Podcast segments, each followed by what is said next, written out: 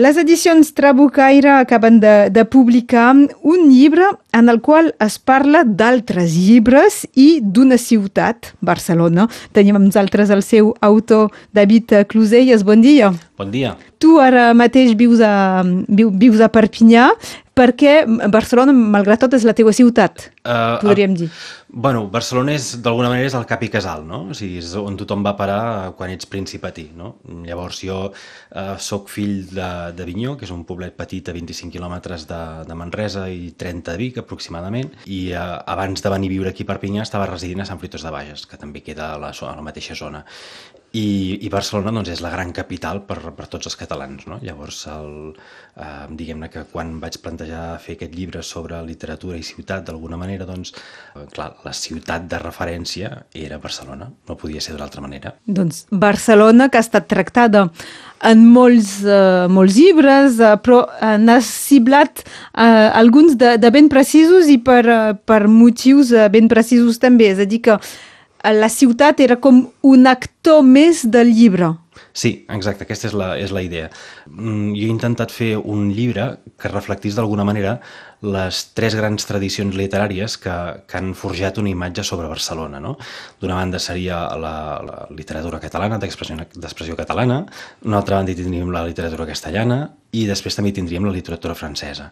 Llavors, el que he intentat fer és explicar com, va, com es veu actualment Barcelona, no? des, de, des del nostre moment històric, eh, a partir de dues novel·les de cadascuna d'aquestes tradicions literàries. Llavors n'hi ha dues en francès, que són una del Matías Enart i una altra del Grégoire Paulet, n'hi ha dues en català, una de Marta Rojals i una de la Mercè Ibarts, i n'hi ha dues en castellà, que serien una de l'Eduardo Mendoza i una de la Milena Busquets.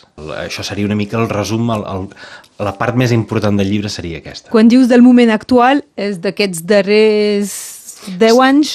Uh, mira, l'anàlisi seria uh, des del 2002 aproximadament fins al 2015. Això seria el que les novel·les abracen. Però quan parlem de la representació dels últims anys i intentem fer una, llançar una mirada sociològica sobre la ciutat de Barcelona, uh, anem una mica més enrere, anem fins a començaments dels anys 80 i especialment des del 86, que és quan Barcelona és nomenada ciutat olímpica pels Jocs uh, d'estiu, i després continuem fins al 2015, que és el moment en què hi ha les eleccions plebiscitàries al Principat i que guanya Junts pel Sí. I això fa que hi hagi un canvi important a la Generalitat, perquè és la primera vegada que hi ha una majoria independentista com a tal en el Parlament de Catalunya, i al mateix temps coincideix que el 2015 hi han eleccions municipals i l'Ajuntament de Barcelona canvia el color polític i passa a governar Barcelona en Comú, que és també una formació relativament nova, doncs, que surt arran del moviment dels indignats, que també apareix el 2011 en el context d'unes altres eleccions municipals.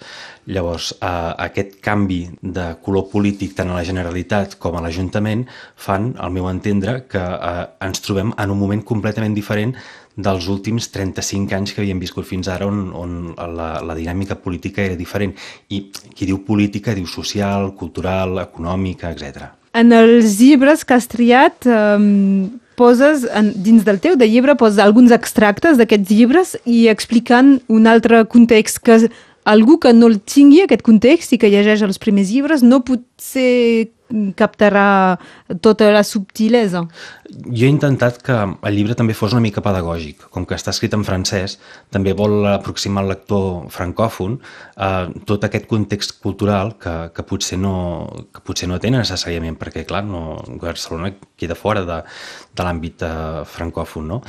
Llavors, eh, sempre hi ha, hi ha tot, a la primera part del llibre hi ha tot una, una visió panoràmica, per exemple, de la literatura que s'ha fet sobre la ciutat de Barcelona en els tres idiomes, en català, francès i castellà, de manera doncs, que el lector pugui dir ostres, doncs, mm, potser aquesta novel·la de, de principis de segle no la coneixia i m'agradaria llegir-la, no? L'auca del senyor Esteve, per exemple, o, per exemple, La Marche de, de Pirandre de Mandiargues. Doncs, tant pel lector eh, del sud com pel lector del nord, jo crec que és un llibre que pot ser interessant perquè sempre descobreix una altra part de la tradició que normalment és desconeguda.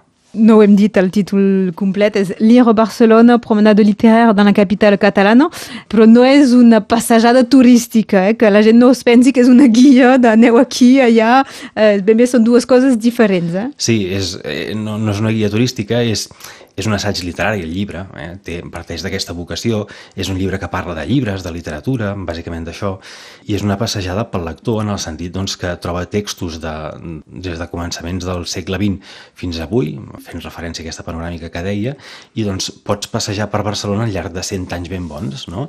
i veure doncs, eh, quines novel·les s'han fet i, i per tant doncs, decidir si agafes un altre llibre i el llegeixes perquè, doncs, ostres, dius, la Barcelona dels anys 60 com era, no? Um, clar, feia 20 anys doncs, que s'havia acabat la Guerra Civil. Uh, com es vivia a Barcelona? Quin, quines pancarades hi havia? No? Doncs, per exemple, hi ha una novel·la, que és aquesta que he comentat de, de la Mar, que diu 20 anys de paz, no? que és 20 anys de pau, que és el que els cartells que hi havia a Barcelona en aquella època. I, bueno, finals dels 50, començaments dels 60. I clar, eh, això és, per un lector del segle XXI sorprèn molt, no? Perquè són 20 anys de pau arran de què? Doncs arran Són 20 anys de dictadura. Exacte. eh, Diguem-ho ben clar, no? Diuen de pau, però en realitat no era, no era així, eh? Eren 20 anys de repressió. No has comentat amb, eh, o, tu, o ells t'ho han comentat amb alguns dels autors eh, que tractes? Sí, he pogut parlar amb en Gregoire Polé, la Marcia Ibars i el Miguel Matías Nart i crec que han quedat contents de, del resultat. Amb alguns també vaig poder-ne parlar abans, d'acabar de, de fer la redacció del llibre doncs, per comentar diferents punts, incorporar matisos. No? Per exemple, amb el Gregoire Polival vaig tenir una entrevista que em va permetre doncs, saber quina era la seva manera d'escriure i això doncs, també vaig, vaig tenir-ho en compte a l'hora d'explicar de, el, el seu punt de vista. Lire Barcelona és el títol d'aquest eh, llibre del David Closellas i Codina que ha publicat les edicions Trabucaire, ens ho has comentat, és, és escrita en francès. Hi ha previst una versió en català? Tant de bo, jo m'agradaria molt que hi pogués ser, eh, tant en català i si pot ser també en castellà, perquè és això, ajudaria a difondre aquestes tradicions literàries que, diguem-ne, la frontera d'alguna manera eh, barren el pas l'un a l'altre, no? Mm, eh, normalment es coneix la tradició catalana i potser castellana d'una banda i de l'altra potser es coneix la catalana i francesa, no? Però conèixer les tres al mateix temps és difícil i jo crec que el llibre té aquesta voluntat d'explicar-ho, no? de veure com es representa Barcelona en els tres idiomes i en les tres cultures que més l'han influenciada i, i crec que les traduccions ajudarien precisament a fer aquesta tasca de, de divulgació. I avui en dia, amb el postconfinament i pocs turistes, seria encara una altra Barcelona força diferent, potser que sortirà en llibres d'aquí 5-10 anys. Sí, segur que seria diferent. Jo quan vaig acabar el pròleg del llibre, que és l'última cosa que vaig fer, era el novembre del 19, i ja vaig, eh, vaig pensar, dic, bueno, posem la data perquè sempre és important posar-la, no? I, I al final del llibre la conclusió és que estem davant d'una etapa però que no sabem encara com serà, no? I en el moment de donar el llibre, doncs apareix el, la Covid-19, el confinament, tot el que hem anat veient, no? Dius, ostres, realment sí que sembla té un punt de premonitori, no?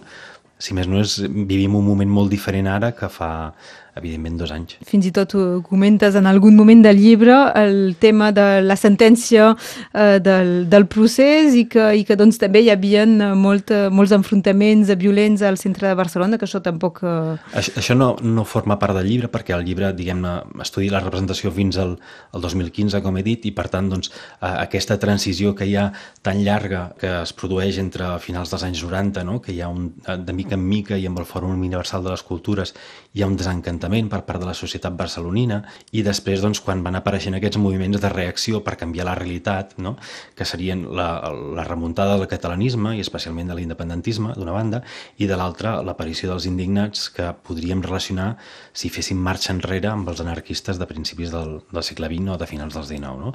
per, per la idea d'autoorganització, no per la idea de violència o de, o la connotació negativa que a vegades pot dur associada a l'anarquisme. No?